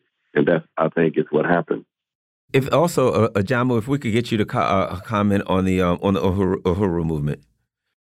Well, I think that the points that, that have been raised are significant. That uh, one of the things that, and we, when we talk about the, the black men's leadership class, to show you how far to the right it has, in fact, um, traveled. In particular, when you look, take a look at the Congressional Black Caucus. Back in the 1970s, you could almost depend on the Congressional Black Caucus to at least uh, raise a critical uh, question mm-hmm. Uh, when uh, forces found themselves on the left, black forces on the left, uh, within the crosshairs of, of the state. The, the conscience of happen. the Congress. They, they were called the conscience of the Congress. Exactly. And, and I mean, you know, people forget that one of the, the staunchest elements of resistance or support uh, when um, uh, Sister Angela Davis was facing uh, the possibility of decades in prison came from the Congressional Black Caucus. But the, these folks, because of their their their long term presence in Congress, because now people have to be, have to be reminded they are part of the leadership of the Democratic Party, and so the corruption there, and we have to just remind ourselves of this factor also: the relative weakness of the social movements has resulted in these folks having no accountability, and therefore they are are, are, are more than willing to articulate the common interests they have with the interests of the bourgeoisie to advance these backward, uh, retrograde uh, policies. And Erica, just to follow up on that, is it too is it a stretch when you look at the original members of the caucus and you look at where they came from? Most of them came from grassroots activism within their uh, cities within their states. They some they were they had formerly been mayors. Uh, they were active in the civil rights movement. They came out of the grass. Many of them came out of the grassroots struggle, fighting at the local and state level, and took that to the national level. And unfortunately, now uh, to Ajamu's point, now so many of them that this has become their their permanent position. They're they're focused on their paychecks. The the the civil movements that birthed so many of the originals are are are, not as effective as they once were. So there's nobody there to hold these these uh these neophytes accountable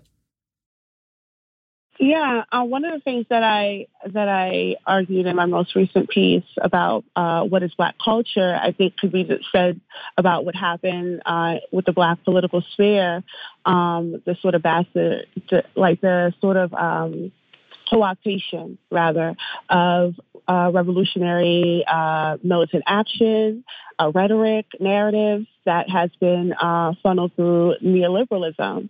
So a lot of these new black politicians. Um, they do come out of the activist uh, uh, foundation. They do say that that they do have some sort of activism in their background, but much of it is astroturfing and not how we understand organizing and organizations, and certainly not what we would recognize um, the CBC to have been um, back then. So they're able to use that sort of rhetoric that, that the familiarization that we have around the CBC um, being starting from a grassroots point uh, coming from neighborhoods and coming from organizations that are concerned with the neighborhoods, and they're able to use that sort of rhetoric to garner support um, on their campaigns, but none of which they intend to use once they get into office. I mean, we can look at figures like Cori Bush, in fact, as an example. Um, Cori Bush, uh, upon meeting her, said that she, um, you know, she's the voice of the marginalized who have been marginalized, which what does that mean? You know, so they're able to take on this sort of rhetoric without actually having to do. Um, but because they're able to take on this sort of rhetoric, I mean, they're political influencers like uh, Dr. Charisse Burden-Stelly um, comments often. Um, they take on that sort of role. We see them more in social media. They have tweets for days. They're they're making Instagram reels, but they're not actually doing anything where it counts. Because when you look at their voting record, it aligns perfectly with the um, objectives of the overall Democratic Party um, and the Progressive Party. Excuse me, the Progressive Party. Even if they do take a stand, because I do remember hearing about a letter that they sent about um, concern around how much funding, and that letter got sent right back. And that was the end of that. There was no other push um, around it, and they all sort of fell in line um, to the point where now you cannot say anything about this. They're just um, walking lock in step with the policies that is being put forward um, by uh, a Democratic Party that is aligning itself or has tied itself to uh, neocon and globalist um, objectives. Ajamu, we have just about a minute and a half left, and along with the Elliott Abrams story, we thought it made sense to tie in. Uh, Mike Pence speaks at an Iranian so-called dissident rally, calling for regime change in Tehran. And you've got also Joe Biden saying now that uh, Assad must go in Syria, even though he received 80, 86% uh, support in the last uh, Syrian election. Your thoughts, Ajamu Baraka? We got about a minute and a half. This, this is the continuation of the of the uh, criminality of, of this administration and U.S. policy in general. That the, the Iranian uh, dissidents uh, that have been supported by the U.S. states for the last few decades are still able to attract all these these celebrities to their cause, um, and to have all the doors open up to them in in, in Washington D.C. and in other parts, other capitals across the Western world, and for the Biden administration to openly uh, agitate for the removal of a uh, president of another state. Mm-hmm. Um, this is what we this is what we have. This is criminology on steroids, and that's what we have to understand that we have to fight against. Ajamu Baraka, Erica Caines, thank you both so much for your time today. Have wonderful weekends. We greatly appreciate your analysis, and we look forward to having you guys back. Thank you. Thank you so much.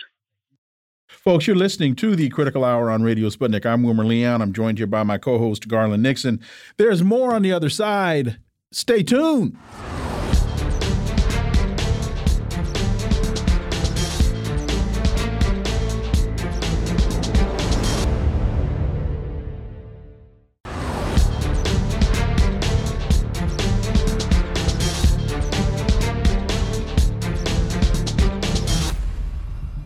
We are back, and you're listening to the Critical Hour on Radio Sputnik. I'm Wilmer Leon, joined here by my co host, Garland Nixon. Thank you, Wilmer. Consortium News has a piece by Tony Kevin entitled NATO's Scorched Earth in Ukraine. The forthcoming NATO summit in Vilnius on July 11th through the 12th seems already infected by a strange policy fatalism. For insight into this, let's turn to our next guests. It's time for our second panel. It is Friday. We're joined by the National Organizer for Action for Assange, Steve Poikonen. As always, Steve, welcome back. Great to be here. Thank you for having me on. We're also joined by an independent journalist whose work can be found at Substack and thepolemicist.net, Dr. Jim Kavanagh. As always, Jim, welcome back. Thank you for having me. So, uh, Tony Kevin writes Hope of a policy breakthrough in Vilnius, Lithuania towards peace in Ukraine, spearheaded by the war weary East Europeans seems to have drained away. There is general acceptance in NATO that the Ukrainian summer offensive in Zaporozhye and again now in Bakhmut have failed to dent Russian defenses with horrific mortality in Ukrainian manpower and enormous destruction of Western supplied equipment. The West seems content to let Zelensky go on wasting Ukraine's increasingly scarce military age men in a process described by writer Raúl Ilargi as NATO's assisted suicide of the Ukrainian nation. Steve Poikonen, your thoughts. This is assisted suicide. It's the least humane method imaginable. The, this has been brutal for, I mean, not just for, for the men who get conscripted to go fight Ukraine or even for the Nazis who willingly show up to fight for Ukraine, but for everyone who lives in every piece of contested territory, this has been a doomed effort on the part of NATO from jump. They're trying to supply they're trying to supply a country that doesn't have a population trained on using the equipment. They're trying to get people trained up to a level that they can't attain before they become part of active duty roster regular army troops. It, none of this makes sense from a military standpoint. So it's got to make sense from a money laundering standpoint. And as long as these guys feel like they can keep the machine rolling there, they're going to. But this isn't, this has never been about democracy or diplomacy.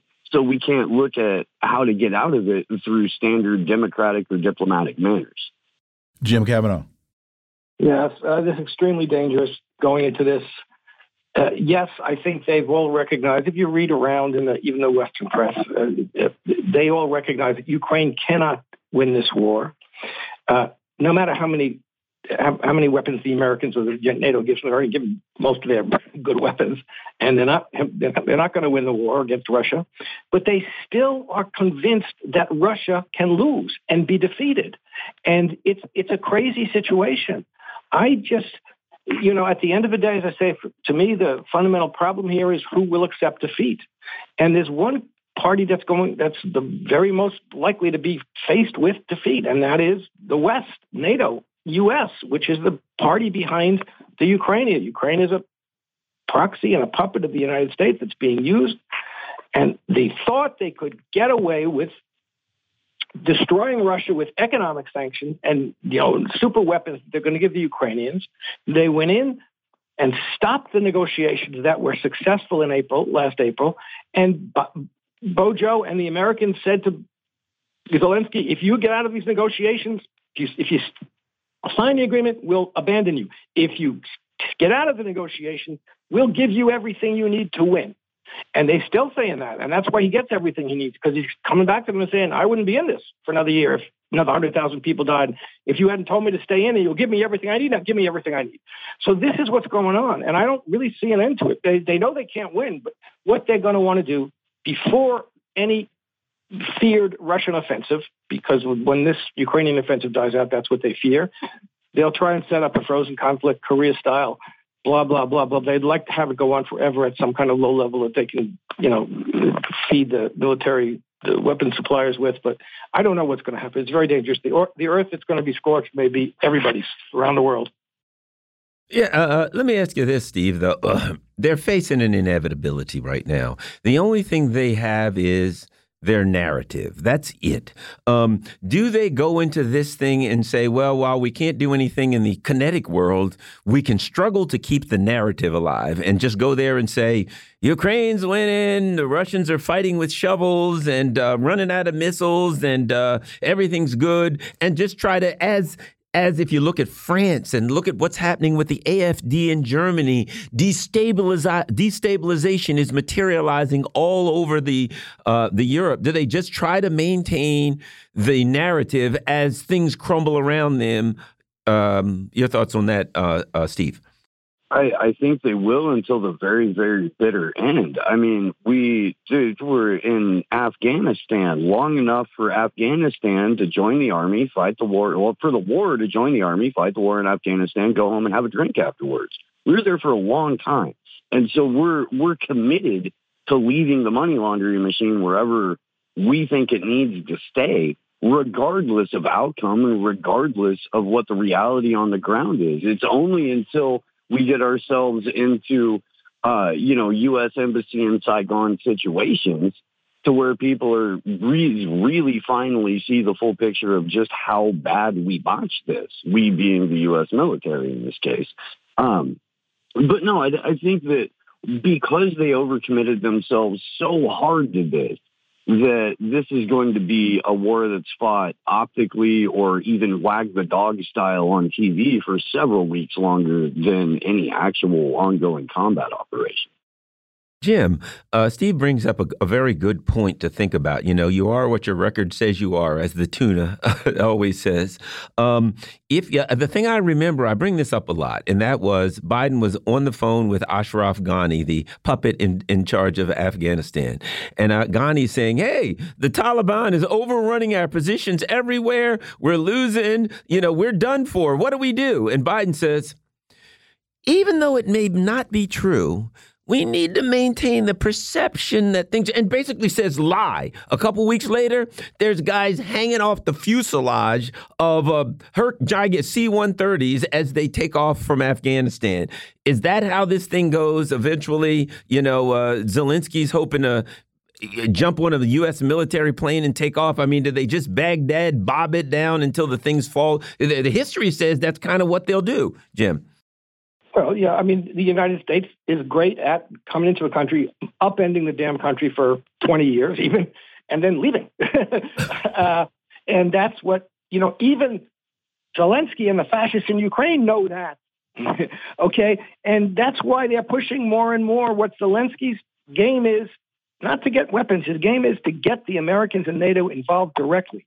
That's the only chance they have, and they know it. That's what they're aiming for. That's what they want to do. Now, the other, there's another player here, and what the neocons and the Americans don't seem to understand. There's another agent here, which is Russia, and it depends upon what Russia does. Russia has the means to end this war by military defeat. It, it's it's going to take a lot, but they could do it. Okay, and after this, after the Ukrainian army exhausts itself, they can do it even even better.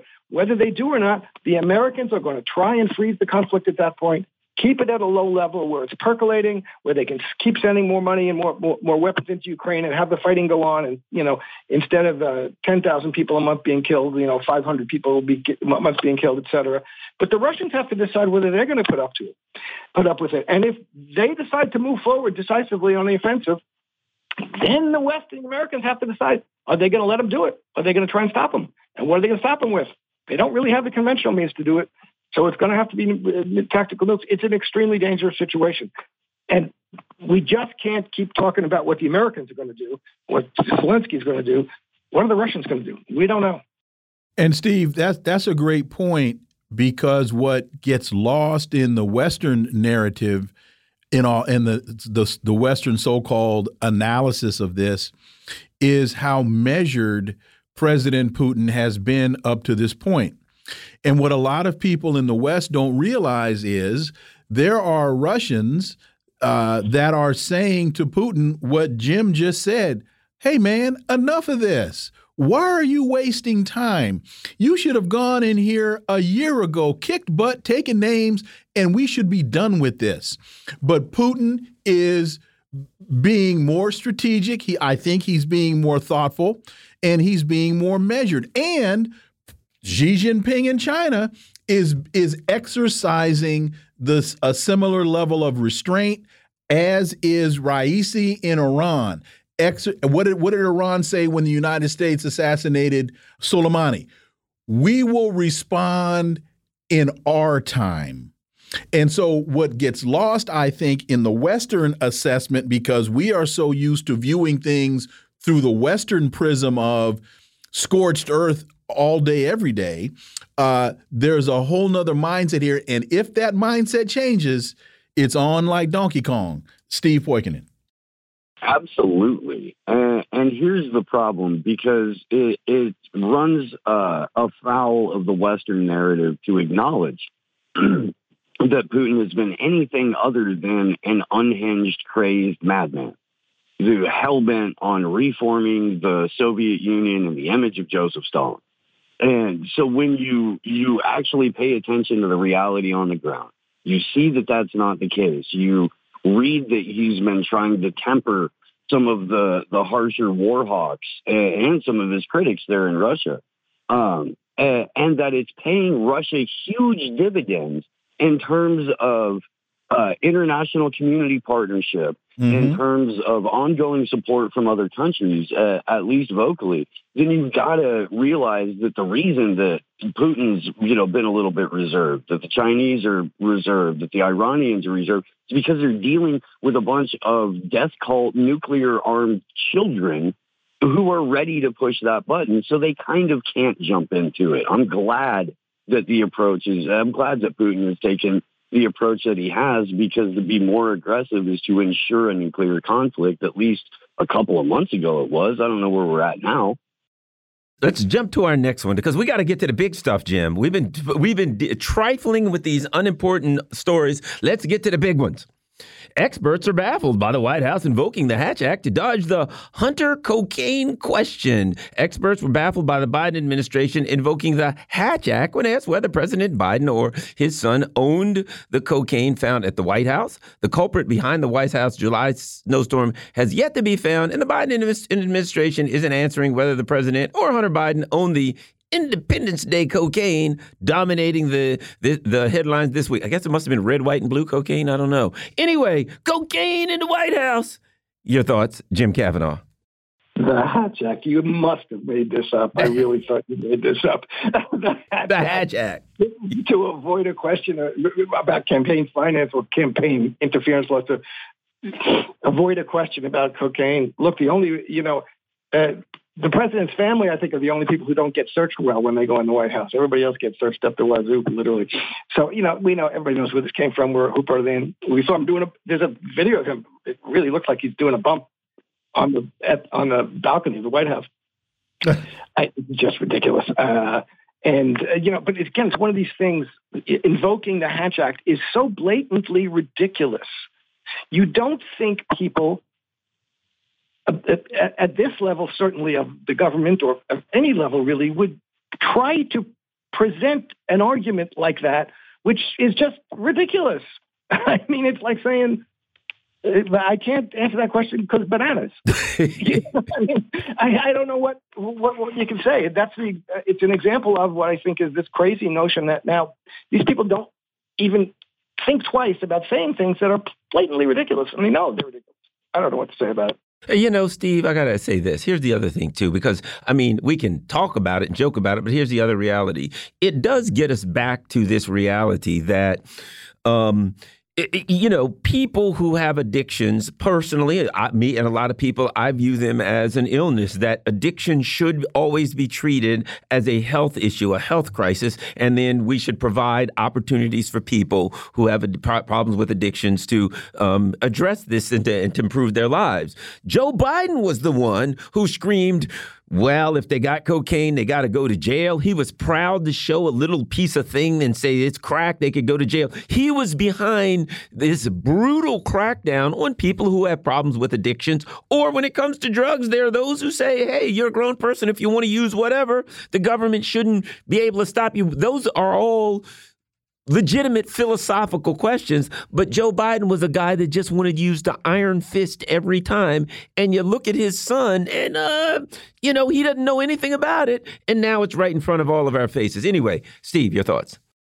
It's wild that the author of the 1994 crime bill that that you know basically gave you know 30 years for every little crack rock that the person who tries to stand on basically the same sort of overall opinion about drug dealers that both Donald Trump and uh, Duterte in the Philippines have. It, you know, has has this guy for a kid. This is, I mean, just blatant eh, abuse of power, hypocrisy. The it's oh, you know, everybody else can suffer, but my boy's fine. The the thing that wilds me out is that this is even a story that anybody's even talking about this because cocaine in Washington, D.C. is one of the least surprising things that I have ever heard in my entire life. And, and so, I mean, sure, Hatch Act, they, they had, there's a B squad for Karine Jean Pierre. Like she's, she's ironically the best person they could find for that job. So there's a lesser who fielded the question and invoked the Hatch Act. His name's Bates or something like that. He's an assistant. But I mean, to that for a reach like that, it almost seems so dumb on purpose that they want the speculation to continue because they're they're going to do something like release a document that has a plan to dim the sun, like they did last week. This is from Orinoco Tribune. Presidents keep hiring Elliott Abrams because the U.S. empire is just that evil. CNN reports that President Biden has nominated criminal neocon Elliott Abrams for a position in the U.S. Advisory Commission on Public Diplomacy, which, according to the State Department, is responsible for apprising activities intended to understand, inform, and influence foreign publics and pays acute attention to the U.S. government's official foreign propaganda arm. I guess, Dr. Jim Kavanagh, nobody better to do this than, than Elliott Abrams. But what message? I guess this is Joe Biden saying to the neocons, yes, I am a neocon. Jim Kavanagh. Yeah, and he, and it's the the deep state saying to the American public, yes, there is a deep state. Here it is. You know, here's the guy who's been in every administration, four administrations, Reagan administration. Trump appointed him. What do the Republicans, what do the Trumpers have to say about this? Who's Trump, Mr. Drain the Swamp? This guy is the biggest swamp creature there is. There is a swamp. He's a swamp creature. There is a deep state, which is composed of uh, unelected bureaucrats who go around and run the show on uh, uh, at, the at the level just below the president, and he's a classic example of it. And a, a, a nest. He's one of these guys like Bolton who doesn't hide what he says and what he thinks and what he's doing and what it's about. I'm here to make sure that uh, you know the American government gets what it wants and to put the the the, arm, the armed power and the whatever money, however we're going to get it, into the hands of the people. We want to win, and to overthrow the governments, we want to overthrow. So this is the guy. That's what the message is quite clear. I mean, it's it. Everybody should take heed of it. It's not a Democrat or a Republican thing. This is a deep state imperialist neocon thing. Steve Poikonen. Yeah, it's it's really hard to to argue around that analysis there. Uh, Elliott Abrams is a I mean, they put the death squad guy in charge of the propaganda department. the, the, I don't I don't know how clearer of a message you need to send that you are part of the continuity of government in terms of ongoing regime change for resource acquisition that has become the U.S. foreign policy. And Elliott Abrams is one of the most deft hands at let's go ahead and destabilize a country, try and acquire its natural resources or its strategic position on the planet for our aims. That's what he's there for. And, and yet still people are walking around acting like there's, you know, a, a, a policy difference between Donald Trump or the, any random Republican and Joe Biden. That was the argument against Joe Biden in the primary. This guy's flat out a Republican. He has a D next to his name because it got him elected in Delaware that way. But that's not how he authors his bills, and that's not how he votes. And, and so we just see this play out over and over and over where we were, you know, the country was forced into a position with two fake choices. You had a WWE Hall of Famer and a demented kid sniffing puppet. Well, they went, the kid sniffing puppet is the guy that doesn't tweet mean, so we'll go with him. Here's another interesting article, um, and that is from People's Dispatch. Affirmative action is upheld in military academies. Now, here's the thing that I think is important, and this is a great article because they say, why might diversity matter to the U.S. military?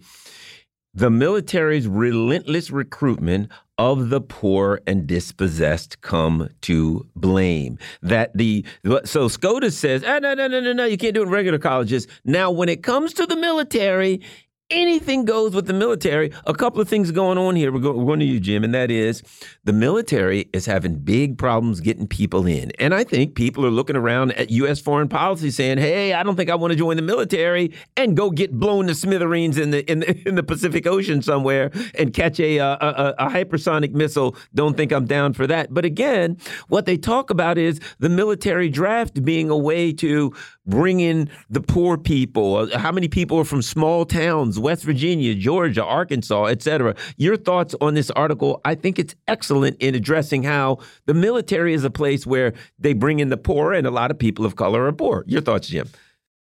Yeah, as they point out in the article, I mean, it's the poverty draft. Uh, the black population and the Native American population are overrepresented, represented among the ranks of the enlisted persons in the army. Okay, that's uh, that's clearly the issue. Even that they quote a Republican congressman or senator who talks about being opposed to uh, student loan uh, forgiveness because student loans are one of the things that help us recruit for the army because people can't afford to go to college, so we use that to help. That's that's an incentive to recruit, and the and the army and the navy and the air force are falling way short of their recruitment goals. I think it, the the issue of the military academies and the affirmative action for them. This has an interesting twist, though. This is about who gets into the elite right. element of the military, like the American, like affirmative action. It's who gets into the elite colleges, you know. And that's very interesting that the Supreme Court said, "Oh, we recognize that the military academies have an interest in uh, uh in keeping in having diversity, essentially, at the elite levels of the military." Okay, and that's something they should take into consideration racial diversity because it's an important issue in our society. And since the military is an important institution in that regard, we have to, that, that's, and it, we're not going to try and tell them that they can't do that. But as this guy says who wrote the, wrote the article, what interest, why, do that, why is their interest any less than the interest of civilian universities in this? And it's a very good point. You know, affirmative action in those circumstances in the elite institutions was made to generate, you know, and to, to permit there to be and to encourage the, growth of a, a, a non-white professional and managerial class, and, and and that's what it was for, and it is for that. And could it happen? You know, and uh, but so but so there's, there's, there's two different things going on at the level of the elites and at the level of the uh, uh, the mass enroll, mass recruitment, where people needed for the jobs, they needed for basic jobs, they needed to have housing, to be able to go to any kind of school, and to have health care. Hey, uh, Steve, uh, Steve, there's a lot of poor people around the world who are sitting on very um, expensive, valuable resources that need killing. And uh, you got to do everything you can to make that happen if you're an imperialist. Your thoughts on this particular very interesting contradictory carve out. Yeah. Hey, it would be unconstitutional for anybody to do it except the military academies. Steve. Well, the military needs to remain a, a colors of Benetton ad in terms of its recruitment because poverty the poverty doesn't have a specific race. And, and, the article does go very you know the, does a lot in a lot of good ways to point out the poverty draft. It's a conversation that i've had with Danny Sjursen a lot um, when he was uh, an army captain, the vast majority of his soldiers were all dirt poor, you know, just southern white boys, and then um, a handful of like, you know, large city, know, urban environment, whatever, you know, Mexican kids and a couple of black kids, and I was a unit. And but everybody was dirt poor. The Army needs to maintain at least the face of diversity, especially in its institutions because you can't just keep sending you know white marines into black and brown high schools talking about hey we got a way out for you everybody's got you got to look like the group that you're recruiting so that's really where it comes down to they've got to keep that scam going the harvard doesn't need to do that harvard doesn't have a poverty draft Yale doesn't have a poverty draft. Of course, it's going to be treated differently, or at least that's the way that I look at it. And Jim, you made this point, but I, would like for you to, to elaborate on it just a little bit because this is targeting the service academies. So we're talking the Air Force Academy, which is, uh, I want to say, the value of the education at the Air Force Academy is a couple hundred thousand dollars uh, if you try to equate it to a public institution. You, so you're talking West Point, you're talking the Coast Guard Academy. You're talking the Air Force Academy and, and uh, Navy uh, and, Annapolis, and, and, Annapolis. And so to get in, to even consider applying to for one of those positions, you're usually middle class because you've got to get recommendation letters of recommendation from your from your members of Congress. you your your you the the schools that you apply that you have attended in terms of high school, the grades that you have to have, the extracurricular activities. I mean, all of the things that go into your application.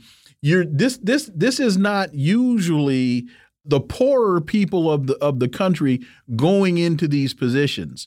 So all of that being understood, what it takes to get into a service academy is usually at least middle class, upper middle class is is where you go, and then children of uh, of those who have served. Yeah, that's absolutely right. You know, again, this is these are elite institutions, and even in order to qualify to apply for them in a, in an effective way, you have to be more than higher level than regular working class. You have to be able to get letters from your representative, your congressional representative. So it's going to be, you know, that's why there's a difference. You know, at the level of the, the, the, enlisted person. I mean, this is one of the things about cops and army. These are the good jobs for working class people. You know, that's why there are a lot of black cops. That's why there are a lot of black people in the army because and, and poor people because these are good jobs. You get health care, you get you get uh, good pay, you get pension, you get uh, benefits, et cetera, et cetera, et cetera, that don't exist anymore. You know, they're just are disappearing in the rest of the economy.